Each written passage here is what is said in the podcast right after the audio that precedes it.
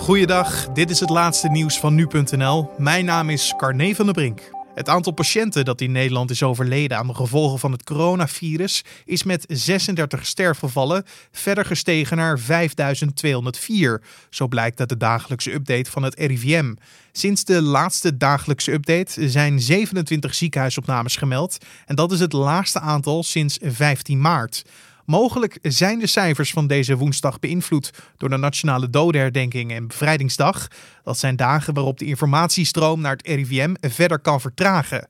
Volgens het RIVM passen de cijfers van de afgelopen dagen wel bij het beeld dat de maatregelen tegen de verspreiding van het coronavirus het gewenste effect hebben. En dan ook nog goed nieuws over het aantal Nederlandse coronapatiënten op de intensive care. Die blijft voorlopig dalen en staat inmiddels op 628.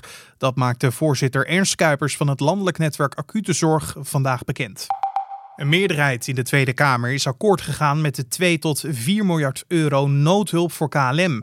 De VVD en het CDA willen daar vanuit de politiek nadrukkelijk geen extra voorwaarden aan stellen. Oppositiepartijen vragen echter juist om extra garanties.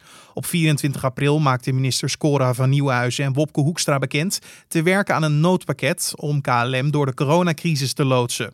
Daar werden wel voorwaarden aan gesteld, zoals verduurzaming, geen bonussen, geen dividenduitkering, een loonoffer van het personeel dat het meeste verdient en bezuinigingen. Het kan echter volgens Hoekstra nog maanden duren voordat het complete pakket helemaal is uitgewerkt. Het faillissement van CNA is aangevraagd door een bedrijf dat nog zo'n 30.000 euro te goed heeft van de winkelketen.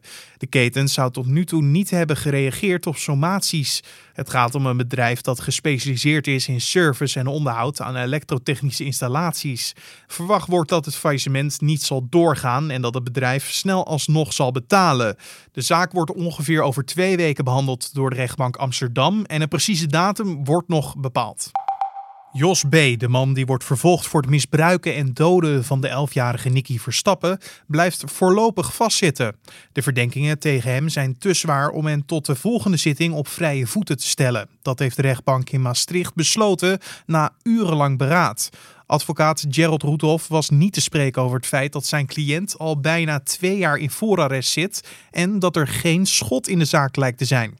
Hij betoogde dat de 21 op Nicky aangetroffen DNA-sporen van B het enige bewijs tegen zijn cliënt zijn, maar dat het niet zeker is dat het om dadersporen gaat. De doodsoorzaak van het kind is daarbij niet vastgesteld. De rechtbank ziet echter nog voldoende reden om B voorlopig vast te houden. En tot zover de nieuwsupdate van nu.nl.